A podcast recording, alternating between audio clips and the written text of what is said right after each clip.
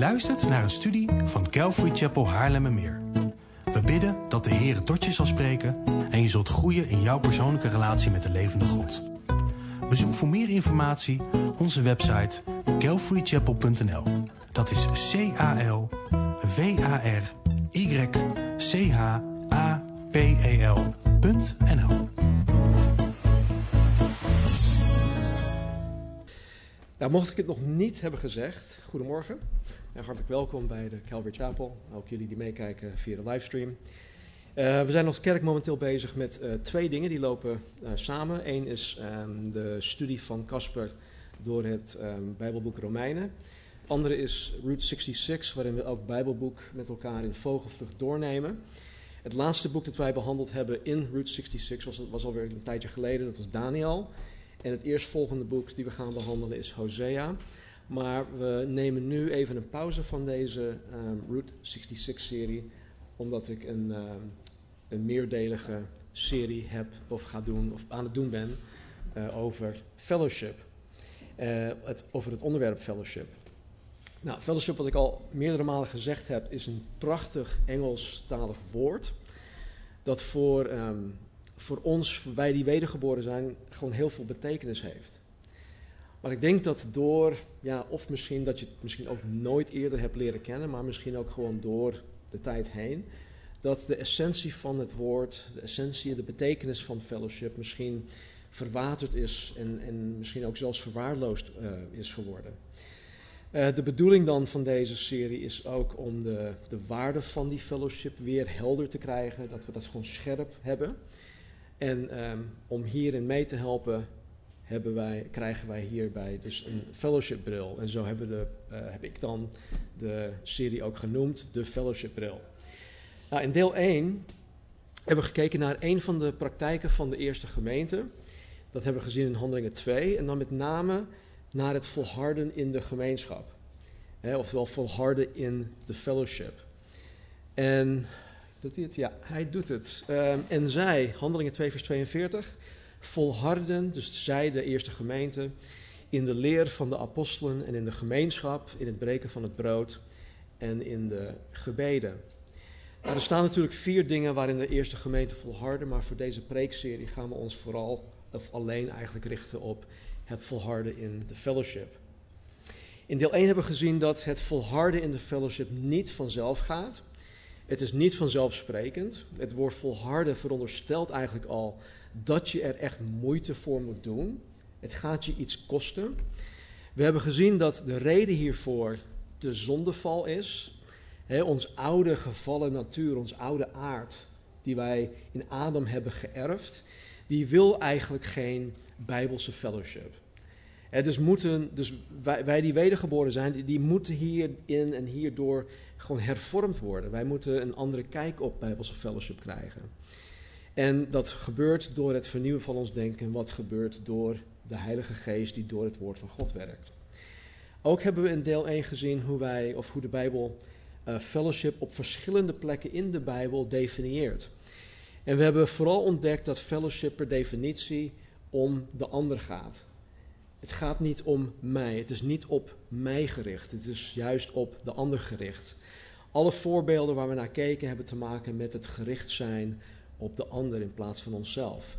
En we hebben ook gezien dat fellowship vooral ook meer gaat om het geven dan om het nemen. Of dan om het ontvangen. Jezus zei zelf: Het is zaliger te geven dan te ontvangen. Oftewel, je wordt gelukkiger van geven dan van ontvangen. En dan tot slot in deel 1 uh, keken wij naar de basis van de fellowship. En dat is de gezamenlijke redding die wij hebben door het geloof in Jezus Christus. Dus als je gered bent, als je door de geest van God, hè, van boven zoals Jezus dat zei, wedergeboren bent, dan behoor je tot de fellowship.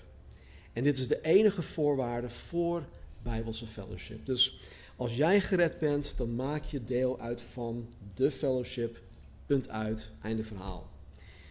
In deel 2 hebben we gezien dat de context oftewel de plek waar fellowship plaatsvindt, is in het lichaam van Jezus Christus. En dan in de eerste plaats in de plaatselijke kerk zoals dit de Calvary Chapel Haarlemmermeer. Ook hebben wij in deel 2 gezien dat het heilig avondmaal, wat wij één keer in de maand hier dan vieren, het symbool is van de fellowship.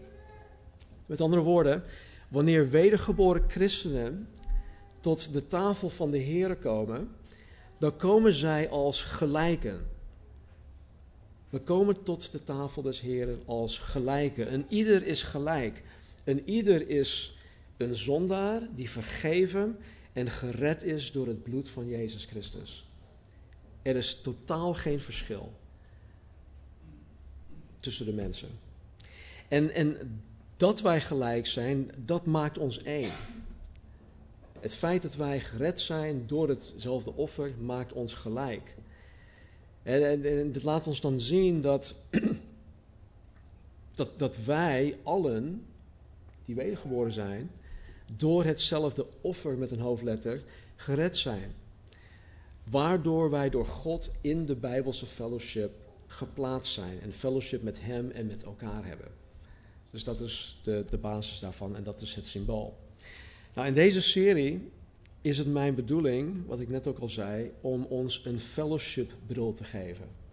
Waardoor jij en ik als individuen en wij gezamenlijk als gemeente heen kunnen kijken naar, naar ons christen zijn. Hoe zien wij ons christen zijn? Tegelijkertijd gaan we kijken door die bril naar ons gemeente zijn. En zo wil ik jullie in deel 3 nog één aspect van fellowship meegeven. Om echt goed over na te denken. Om God ook te vragen: wat heeft dit voor mij te betekenen? En om ook gewoon daarin, ja, om het eigen te maken. En wat God van je vraagt. Nou, voordat Jezus gearresteerd werd. In de hof van Gethsemane. Voordat hij gemarteld werd, voordat hij gekruisigd werd, bad Jezus in Johannes hoofdstuk 17 tot God de Vader. En een van de dingen die hij aan de Vader vroeg was dit. Heilig hen, dus heilig mijn discipelen, door uw waarheid. Uw woord is de waarheid. Jezus in wat zijn hoge priesterlijk gebed genoemd wordt, vraagt zijn Vader dat hij, de Vader, zijn discipelen zal heiligen door de waarheid, door Gods woord. En dit is iets waar we snel overheen kunnen lezen. Maar als we erbij stilstaan en echt gaan kijken naar wat Jezus hier vraagt, dan, dan gaan wij het hart van Jezus zien voor wat betreft wat Hij voor zijn discipelen, wat Hij voor zijn kerk wil. En dat is heiliging. Jezus wil dat zijn kerk, zijn gemeente, zijn discipelen geheiligd worden. Maar wat is dat? Wat is dat praktisch? Hoe zien wij heiliging of hoe, moeten wij dat zien? En hoe moeten wij dat anno 2022 zien? En, is heiliging überhaupt nog iets van deze tijd? Er wordt weinig over gesproken. Dus is het nog um, actueel? Nou, ik wil vanmorgen een kijkje nemen naar slechts een paar plekken in de Bijbel waar er over heiliging gesproken wordt. dus ik denk dat we naar twee of drie plekken gaan kijken. In Leviticus 20, um, vers 7 tot en met 8. In, in dit hoofdstuk maakt um, of vertelt God aan Mozes en Mozes aan het volk dat zij dus zich niet moeten inlaten met de praktijken van al die heidevolken om hen heen. Dus hij, God wil duidelijk maken dat zij zich moeten onderscheiden van de wereld om hen heen. En dan zegt hij dit: Heilig uzelf en wees heilig, want ik ben de Heere uw God. Houd mijn verordeningen en doe ze. Ik ben de Heere die u heiligt. Tot zover. Het Centrum voor Bijbelonderzoek heeft het volgende hierover te zeggen. En ik citeer. In tegenstelling tot de heidenen met hun godsdienstige gewoonten, zijn de Israëlieten geroepen een leven te leiden van zuiver en toegewijd geloof aan de Here. Het volk heeft de opdracht zich door daden nadrukkelijk te onderscheiden van andere volken. De bedoeling is dat de Israëlieten zich heiligen en heilig zijn. Deze oproep maakt ons duidelijk dat heiligheid niet alleen een toestand is die hun geschonken is. Ze zullen zich ook moeten inspannen om heiligheid te verwerven. Met andere woorden, ze moeten worden wat ze al zijn en dit in hun gedrag tonen. God heeft aan de Israëlieten in zijn wetten ook instrumenten geschonken, waardoor ze meer toegewijd kunnen worden aan Hem. God vermeldt nadrukkelijk dat Hij de Israëlieten door hun gehoorzaamheid aan de geboden heiliger zal maken. Hij schenkt op deze plaats een belofte aan het volk dat Hem gehoorzaamt. Einde citaat.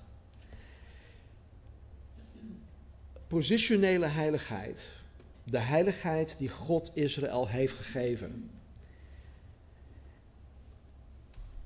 Dat, dat gaf hun die heilige positie. Ze waren al anders, ze waren apart gezet. hun positie in de wereld was dat zij door, door God zelf geheiligd waren. Zij waren door God, wat ik net al zei, zij waren door God apart gezet. Ze waren onderscheiden van de wereld en niet zomaar, maar voor Gods doeleinden. God had een doel daarmee. Hij was geen pretbederver, hij wilde hun niet uh, krenken. Nee, het was echt bedoeld met een doel die God voor ogen had. Maar goed, ondanks dat zij dus positioneel door God geheiligd waren, wilde dat nog niet zeggen dat zij in de praktijk um, automatisch heilig voor de Heer zouden leven. En vandaar dat God Israël de expliciete opdracht gaf om dan ook heilig en toegewijd aan de Heer te leven in al hun doen en laten. dus hoewel Israël de positie van heilig van God hebben gekregen, moest Israël zich nog, wel inspannen om die heiligheid te verwerven. En God had Israël daartoe zijn woord gegeven. En waardoor zij de tools, de gereedschappen gekregen hadden om meer heilig en toegewijd aan de Heer te kunnen leven. Ze hadden geen excuus om praktisch niet heilig en toegewijd aan de Heer te zijn. Dat is één voorbeeld. Even terug naar eh, Johannes hoofdstuk 17. Jezus zegt, heilig hen, heilig mijn discipelen, door uw waarheid, uw woord is de waarheid. En ook hier zien wij dat de discipelen van Jezus door God geheiligd zijn en dat zij door het woord van God geheiligd worden. In de aanhef van de brief van Paulus aan de Corinthiërs zien we ook dat de wedergeboren christenen positioneel geheiligd zijn in Christus en dat ze ook geroepen zijn tot heiligheid. Dus 1 Korinthe hoofdstuk 1 vers 1 en 2, dat is de aanhef.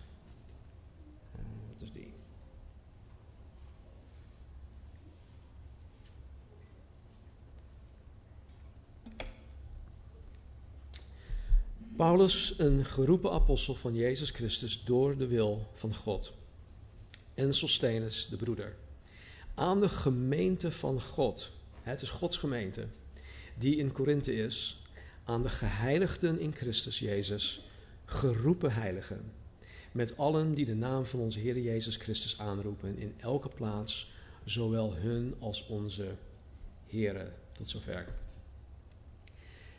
De gemeente van God, die hier genoemd wordt, geeft al aan dat het om een groep mensen gaat die door God en die voor God apart gezet zijn.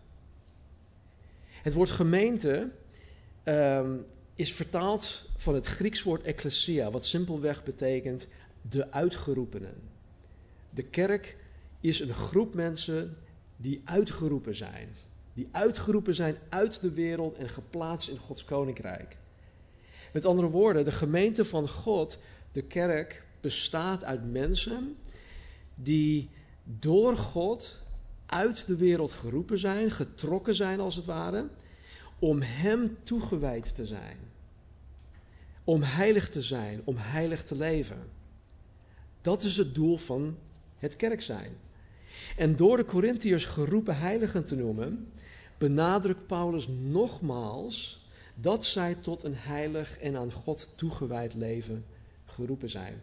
Want hij zei in dit vers uh, aan de gemeente van God die in Korinthe is, aan de geheiligden in Christus Jezus, hun positie, geroepen heiligen.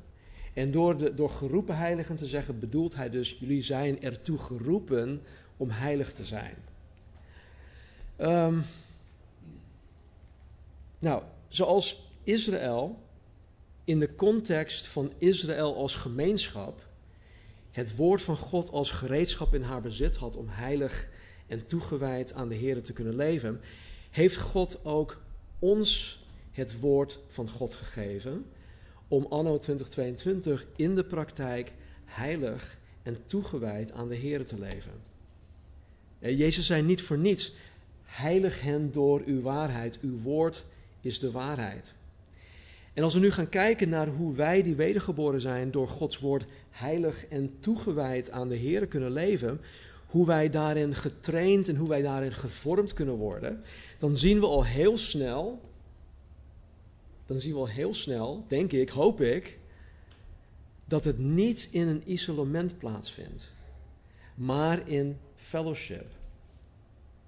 Het vindt niet in een vacuüm plaats, het, het vindt plaats in fellowship. Dus laten we naar een aantal voorbeelden hiervan kijken. Beginnend met deze uit Johannes hoofdstuk 13. Johannes 13, vers 34 en 35. Jezus spreekt hier in zijn afscheidsspeech tegen zijn discipelen en dan zegt hij: Een nieuw gebod geef ik u, namelijk dat u elkaar lief hebt. Zoals ik u lief gehad heb, moet u ook elkaar lief hebben. Hierdoor zullen allen inzien dat u mijn discipelen bent, als u liefde onder elkaar hebt. Tot zover. Jezus gebiedt zijn discipelen, en in het, verlengde daarvan ook, ook ons, om elkaar onvoorwaardelijk, onvoorwaardelijk lief te hebben zoals Hij, Jezus, mij, ons onvoorwaardelijk lief heeft. Punt uit. Er is geen ja, maar je weet. Nee, nee, punt uit. als je nagaat, wat een, een, een, stelletje ongeregeld die, die twaalf discipelen waren. En, en, en, dat er een sfeer van rivaliteit en wedijver heerste onder hen. En dat sommigen zelfs um, politieke vijanden van elkaar waren.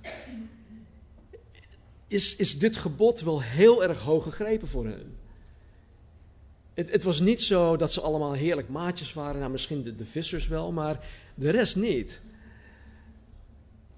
Het was echt geen social club.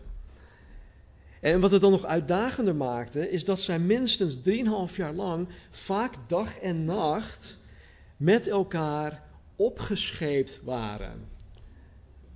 want zo lang trokken zij met Jezus op.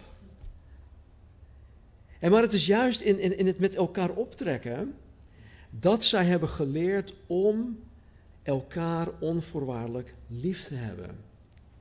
Om te worden zoals Jezus. Hij gaf het voorbeeld hoe hij hun lief had.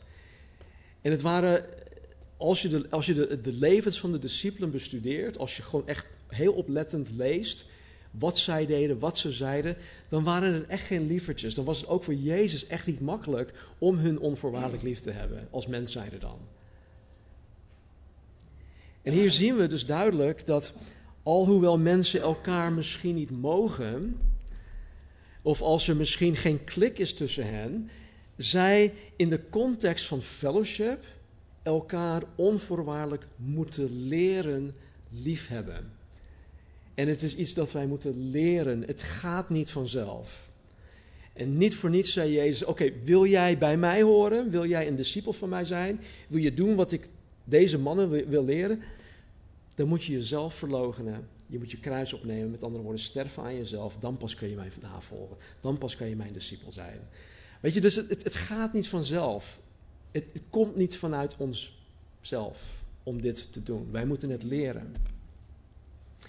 En de discipelen die werden ertoe gedwongen om fellowship te hebben. En daardoor leerden zij om elkaar echt lief te hebben. Ik ken mensen die lak hebben aan de noodzaak van fellowship. Zij doen nergens aan mee. uh, komen zelfs niet naar de eredienst, wat op zijn minst een vereiste is. Dat is echt het allerminst wat je zou kunnen doen om hier gewoon elke zondag te zijn. Maar ze weten het heel goed te vertellen. Ze hebben iedereen lief. Oh man, ik hou echt van iedereen. Oh, ik, ik heb zoveel liefde voor mensen. Ik hou echt van iedereen. Weet je, dat is natuurlijk heel makkelijk praten als je in je eentje op een eilandje zit. Want dan heb je met niemand te maken. Ik, ik heb iedereen ook op afstand natuurlijk lief. Volgende, volgende vers, Romeinen 14, vers 19. Laten wij dus najagen wat de vrede en de onderlinge opbouw bevordert. Laten wij dus najagen wat de vrede en de onderlinge opbouw bevordert. Het najagen van vrede en onderlinge opbouw vereist fellowship. Er is geen sprake van, van onderling als ik op een eilandje in mijn eentje christen ben. Dat gaat gewoon niet. Romeinen 15, vers 5 tot en met 7. En de God van de volharding en van de vertroosting mogen u geven onderling eensgezind te zijn, in overeenstemming met Christus Jezus, opdat u eensgezind met één mond de God en Vader van onze Heer Jezus Christus verheerlijkt. Daarom aanvaardt elkaar zoals ook Christus ons aanvaard heeft, tot heerlijkheid van God. Precies hetzelfde hier. Om onderling eensgezind te kunnen zijn, moet je met anderen fellowship hebben. Je komt er niet onderuit. Je moet met anderen van hart tot hart praten. Je moet je leven met andere mensen delen. Je moet je leven met elkaar delen. En soms moet je lastige theologische gesprekken voeren. want er zijn bepaalde dingen waar mensen gewoon het niet over eens kunnen zijn. En die dingen die moeten ook plaatsvinden. En dan heb je die iemand die zegt: Ja, maar ik volg die en die op YouTube. En ik ben het helemaal met die persoon eens. Ik sta helemaal achter zijn theologie, zijn leer. Ik ben volkomen eensgezind met hem of haar. Liefst met hem dan met haar in dit geval, als het om Bijbelleraar gaat. Ik ben volkomen eensgezind met hem. Waarop ik dan zeg, nou, hartstikke fijn voor jou, maar kennen jullie elkaar wel? Kennen jullie elkaar persoonlijk? Delen jullie je leven met elkaar? Hebben jullie koinonia zoals het hier in de Bijbel beschreven wordt? Ik heb John MacArthur wel eens horen zeggen dat er mensen zijn die hem dus alleen op afstand kennen. En mensen die uh, zijn onderwijs online uh, volgen, die zijn boeken lezen, die zijn commentaren ook lezen, enzovoort, enzovoort. En deze mensen hebben alleen maar lof voor hem. Ik vind hem ook een geweldige exegeet en een geweldige bijbelleraar. Waarop hij dan zegt dat als deze mensen een jaar lang met hem op zouden trekken, als zij een jaar lang met hem zouden meelopen, dat zij wel heel anders zouden praten. Kijk, dit soort mensen, die hebben een afstandsbediening. Haha. Ze houden van mensen, ze zijn het eens met mensen op afstand. Laat maar maar niet. Kijk, het is alleen in de context van fellowship dat je iemand echt leert kennen. En alleen dan is er pas sprake van onderling eensgezind te kunnen zijn en elkaar aanvaarden zoals Christus ons aanvaard heeft. Romeinen 15, vers 14.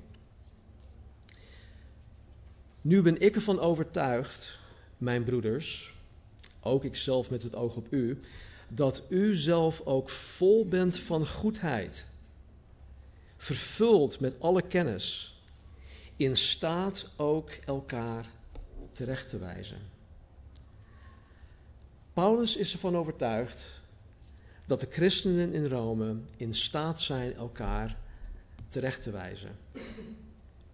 En het feit dat zij daartoe in staat zijn, hangt van het feit af dat zij vol van goedheid zijn en vervuld zijn met kennis.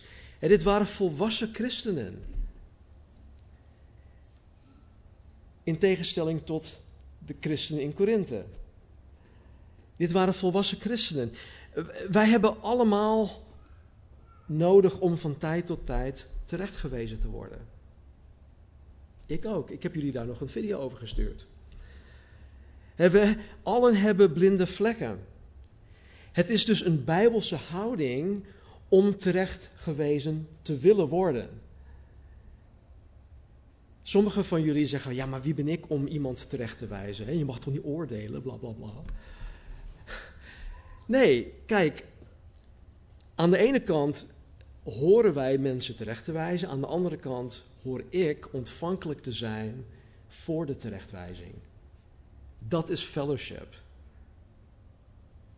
Maar goed, dat gezegd te hebben, is het van uitermate belang dat degene die de terechtwijzing doet, niet een, een, een, een, een bedweterig iemand is.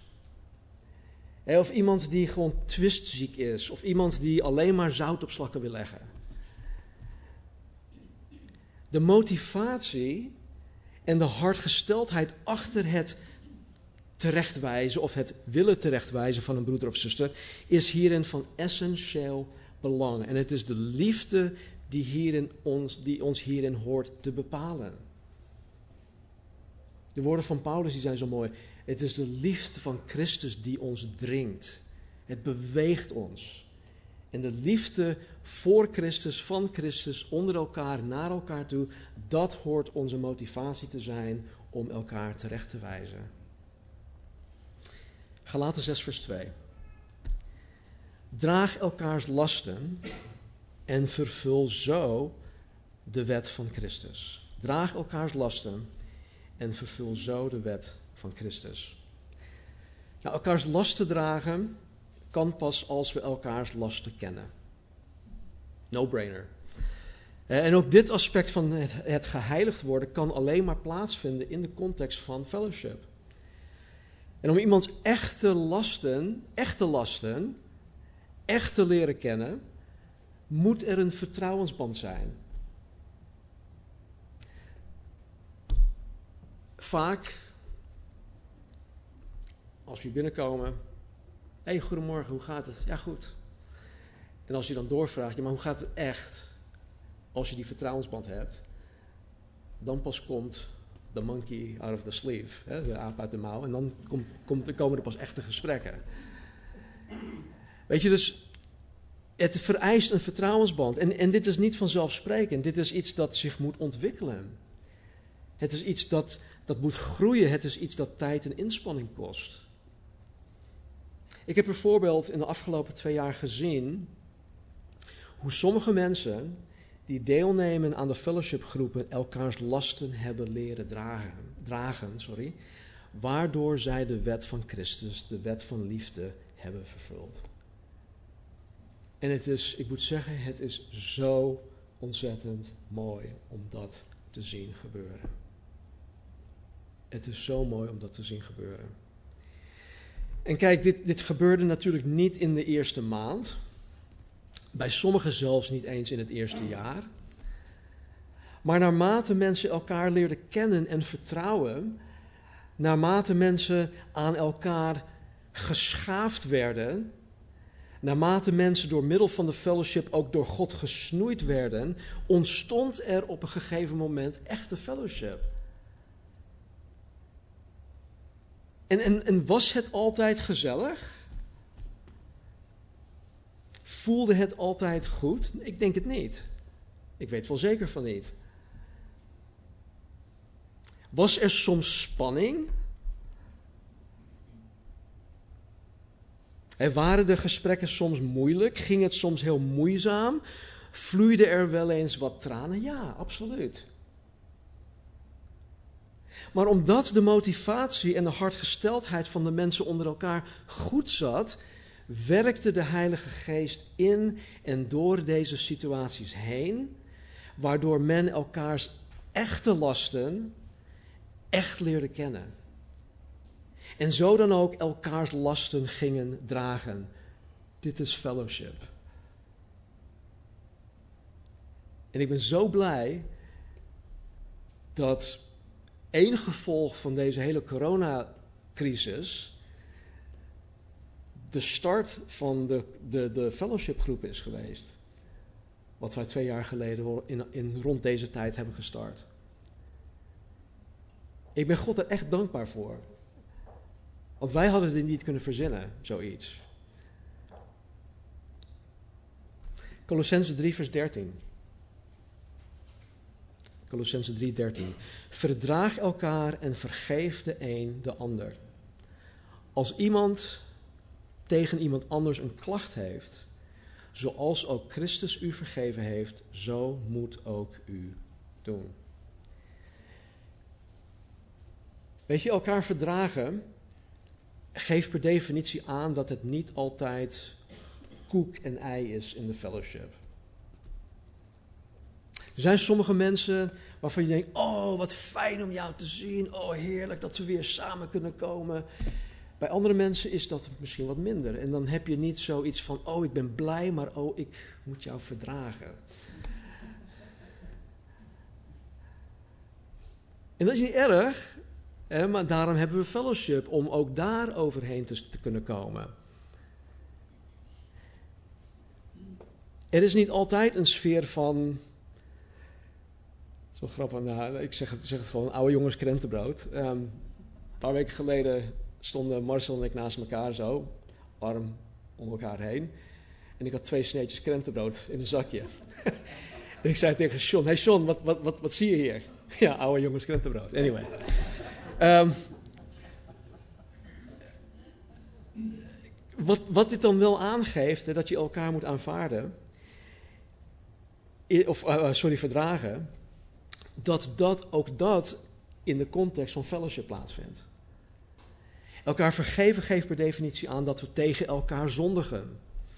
Het zij misschien een verkeerd woord, of misschien op de verkeerde manier dat je dat zegt, of het is verkeerd geïnterpreteerd, of wat dan ook. Het kan ook veel ergere dingen zijn, die hebben we ook wel eens meegemaakt. Maar hoe dan ook, wanneer mensen samen dienen, wanneer mensen samen in gesprek gaan, wanneer uh, mensen dingen samen gaan doen of ondernemen, dan zullen er geheid momenten zijn waarin we tegen elkaar zondigen. Op welke wijze dan ook. Het is onvermijdelijk. En het is in deze context van fellowship dat dit gebeurt. En het is in deze context van fellowship dat wij elkaar moeten vergeven zoals Christus ons vergeven heeft. 1 Thessalonicense 5 vers 11. Bemoedig elkaar daarom en bouw de een de ander op zoals u trouwens al doet. Bemoedig elkaar daarom en bouw de een de ander op zoals u dat trouw, of trouwens doet. Nou weet je, ik, ik kan heel makkelijk in mijn eentje ontmoedigd raken. Heel makkelijk. Ik hoef daar vaak gewoon totaal geen moeite voor te doen om ontmoedigd te raken. En daarentegen is het soms heel moeilijk om, om uit die staat van ontmoediging te komen zonder hulp van buitenaf. En, en daarom gebiedt de Bijbel ons, het is een gebod om elkaar te bemoedigen. Waar ik mezelf ja, misschien niet kan bemoedigen, kan een ander dat wel. En dat ervaar ik keer op keer. Wederzijds gebeurt dat. En ook dit vindt plaats in de fellowship. Het elkaar opbouwen is ook iets dat per, per definitie in fellowship gebeurt. Hè. Soms is het een andere kijk geven aan iemand op iets, op een situatie of wat dan ook. Soms is het, hè, soms lees je ochtends in de Bijbel en dan lees je een stuk tekst. En dan raak je die middag of die avond in gesprek met iemand en boem, De tekst die je vanmorgen hebt gelezen is precies voor die persoon. En soms is het dan gewoon een tekst met iemand delen. Zo bouw je de ander ook weer op. En soms is het samen met iemand bidden. Soms is het iemand terechtwijzen. Er zijn zat bijbelse handvatten waarmee we elkaar kunnen opbouwen. Maar er is maar één context waarin dit plaatsvindt. En dat is in de fellowship. De laatste. 1 Petrus 4, vers 9. Nee, ja, is het 9 of 19? 9, oké. 1 Petrus 4, vers 9. Wees gastvrij voor elkaar, zonder morren. Wees gastvrij voor elkaar zonder morren. Weet je, dit is een van mijn favoriete elkaar-versen. Want het geeft aan dat fellowship niet alleen plaatsvindt op de zondag of in de fellowshipgroepen, um, maar ook op andere tijdstippen, op andere momenten. En natuurlijk moeten wij zondags en wanneer wij fysiek op de huiskring samenkomen, gasvrij zijn. want ja, je opent je huis, mensen komen bij jou over de vloer. Het zou natuurlijk naar zijn als die mensen zich niet welkom voelen. Dus hier moeten we gasvrij zijn en ik hoop ook echt dat jullie je thuis voelen wanneer jullie naar binnen komen. Maar ook op de fellowshipgroepen. Maar waar komt mijn, mijn gastvrijheid pas echt tot uiting? Of niet? of niet, dat kan ook. Bij mij thuis. Gastvrijheid komt echt tot uiting bij mij of bij jullie thuis. En hieruit kunnen we vaststellen dat Bijbelse fellowship vooral ook buiten de vaste ontmoetingstijden om, uh, buiten de vaste ontmoetingstijden om plaats uh, hoort te vinden. Dus niet alleen op de zondag, niet alleen op de, de door de weekse fellowshipgroepen. Trouwens, wat wij hier op de zondagen hebben is heel kostbaar, maar er is weinig diepgang. Uh, ik merk zelf dat als ik in gesprek ben, dan um, voel ik me soms en ik hoop dat ik dat niet laat merken naar jullie toe. Maar soms voel ik me gehaast, want dan staat de andere alweer te wachten om met mij te praten. Weet je, en, en dat, dat, dat, dat is niet verkeerd. Ik, ik klaag daar ook niet over. Maar het geeft alleen maar aan dat, dat, dat je niet altijd de gelegenheid hebt om dan de diepte met elkaar in te gaan. En dat geldt dan niet alleen voor mij, dat geldt ook voor jullie. Weet je, dus Um, dit is geweldig, het is kostbaar, het is waardevol, maar echte fellowship vindt plaats buiten de vaste ontmoetingstijden om. En, en waar dan dergelijke fellowship plaatsvindt, is bij ons thuis. Bij ons thuis. Bij jullie thuis. En kijk, ik weet het, hè? Ik weet het. Je huis voor anderen openstellen is een opgave. Vanuit het menselijk oogpunt is het een opgave. Het gaat je iets kosten. Het doet inbreuk op je privacy. Het kost je misschien je rust, je gemak. Eh, je moet extra mensen, weer extra mensen in je huis gaan dienen, bedienen. Eh, misschien moet je extra inkopen doen. Je moet vaak nog snel ja, de boel opruimen en, en schoonmaken. En ik moet zeggen, als jij je huis in, ja, snel schoongemaakt wilt hebben, nodig iemand gewoon uit. Dan is het alle hens aan dek en uh, kom op, we gaan ervoor. En maar het, het, levert soms ook nog eens stress en spanning op tussen man en vrouw, tussen ouders en kinderen. Het, het, kost iets om mensen bij jou over de vloer te hebben. Het kost iets om, om je huis open te stellen. Maar ook hier geldt dat het juist een bijbels, het is een bijbels gebod. Wij, wij doen dit vaak niet uit onszelf. Want ja, Vaak hebben we gewoon geen zin. Ik snap het. Nou joh, ik heb helemaal geen zin om. Puntje, puntje, puntje. Vooral als het om iemand gaat die je moet verdragen. Dan heb je helemaal geen zin. Weet je, dus ik snap het. En, en niet iedereen voelt zich hiertoe geroepen, maar hoe dan ook, moet de christen gasvrij zijn. Het staat hier. Het is een gebod. Nou, tot slot dit. Al deze elkaar-versen hebben als doel ons te heiligen. En zodat wij in groeiende mate heilig en toegewijd aan de Heer leven. Zodat wij in groeiende mate hervormd worden naar het evenbeeld van Christus. Zodat Christus in groeiende mate gestalte in mij, in jullie, in ons zal krijgen. En geen van de uitwerkingen van het naleven van deze elkaar-versen kunnen verwezenlijkt worden buiten de fellowship om. Het is onmogelijk. Eh, oftewel, de vruchten van het naleven van de elkaar-versen kunnen alleen tot bloei komen in de context van fellowship. Zo heeft God het bedoeld, zo heeft Hij het ontworpen. Wij zijn het lichaam van Christus. En daarom is het onmogelijk om een christen te zijn zoals de Bijbel dat van ons vereist, zoals Jezus het zelf voor ogen heeft. Want een christen, wat dat betekent, de betekenis zijn, zijn we al lang kwijt. Maar de ware betekenis van het woord christen is als Christus. Vroeger was het zo, als jij een christen bent, dan ben jij als Christus. En het werd in Antiochië voor het eerst gebruikt als een soort scheldwoord, maar het is een heel mooi compliment als iemand zegt van, ja Stan, nou jij bent echt een christen. Dan ben ik als Christus. Nou, als iemand dat van mij kan zeggen, halleluja. Weet je, maar we zijn die betekenis al lang kwijt. En, en, en, en het is dus onmogelijk om een, een, een echte christen te zijn zonder de fellowship. Als lid van het lichaam, luister goed, is elk individu slechts één onderdeel. En één onderdeel kan niet tot zijn doel komen zonder dat het bij het geheel blijft. Als ik bijvoorbeeld mijn, mijn arm afhak. Ik hak mijn arm af.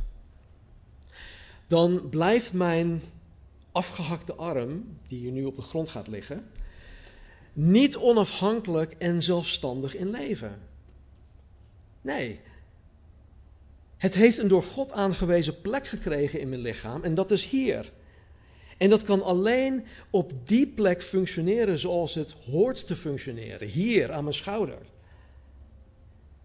Het kan bijvoorbeeld niet zo zijn dat die afgehakte arm ineens eigenwijs wil zijn. En erop staat, oké, ik ben nu afgehakt en ik sta erop dat je me terugzet aan je hoofd. Dus niet aan je schouder, maar ik wil per se aan je hoofd bevestigd worden. Omdat ik als eigenwijs arm alleen direct contact wil hebben met je hoofd. Zonder dat het te maken hoeft te hebben met het lichaam. Is toch niet mogelijk? Het is ook niet wenselijk. Zie het voor je? Weet je, dus het is niet mogelijk, het is niet wenselijk, maar toch, toch zijn er individuen, toch zijn er individuen die wel eigenwijs zijn. En erop staan dat zij het lichaam, dus de fellowship, niet nodig hebben om christen te zijn. Ik heb het niet over jullie hoor, trouwens. Deze mensen hebben een verkeerd idee over wat het betekent christen als Christus te zijn. En voor hun geldt vaak, oké, wij doen het met z'n tweeën. Jezus en ik. Ik heb die kerk helemaal niet nodig. Ik heb de fellowship niet nodig. Ik heb een persoonlijke relatie met Jezus en dat is voor mij genoeg. Ik bestudeer de Bijbel zelf. Waarop ik dan zeg dat je juist daarmee bewijst dat je de Bijbel helemaal niet bestudeert. En zeer zeker ook niet gehoorzaamt. Kijk, het idee van een persoonlijke relatie met God is enerzijds heel goed, want dat hebben wij ook.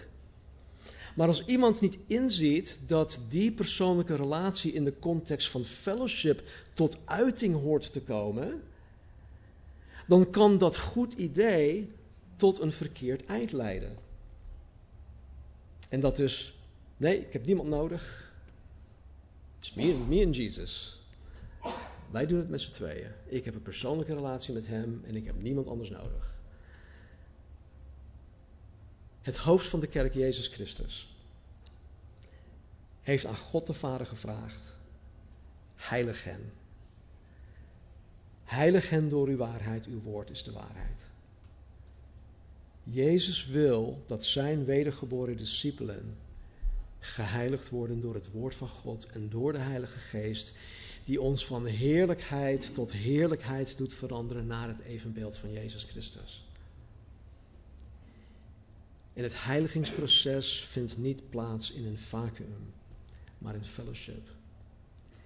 Dus als je serieus door het woord van God, door de Heilige Geest en door het lichaam van Christus geheiligd wil worden, dan kom je er niet onderuit. Dan moet je actief deelnemen aan de fellowship. En als je niet weet hoe, vraag het aan Casper, vraag het aan eh, Martien, vraag het aan Kobus, vraag het aan André, vraag het aan mij, maar vraag het aan iemand. Er is, er, er is totaal niets mis mee als je niet weet hoe dat handen en voeten te geven. Laten we bidden. Hemelse Vader, dank u wel dat u uw woord hebt gegeven, dat u zoveel elkaar en elkander versen hebt gegeven, waardoor wij leren, heren, om in de context van fellowship geheiligd te worden. Veranderd te worden naar het evenbeeld van Jezus Christus. En ik dank u, Heer, dat u ja, dit ook heel praktisch maakt en wil maken. Heer, help ons om daders te zijn van uw woord. Help ons om dit te leren doen. We kunnen dit niet op ons eigen. We hebben u nodig. Uw woord, de Heilige Geest, elkaar in de context van fellowship. Doe het, Heer, alstublieft. Omwille van uw naam, voor uw glorie en tot opbouw van uw gemeente en voor onze zegen. In Jezus' naam. Amen.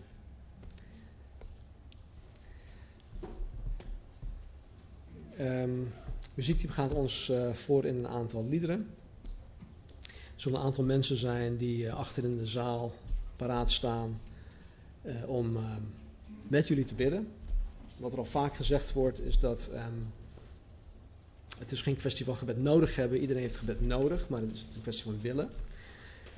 En ik weet dat um, het misschien um, eng zou kunnen zijn om uit je stoel op te staan. Want misschien denk je, maar wat zal die persoon naast me wel denken als ik opsta? Ik wil je zeggen dat degene die naast je zit precies hetzelfde denkt.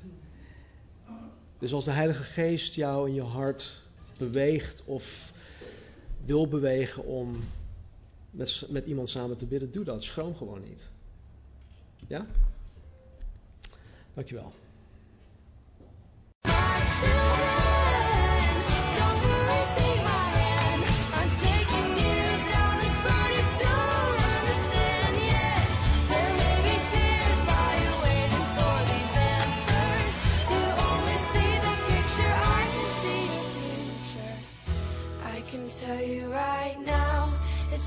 be all.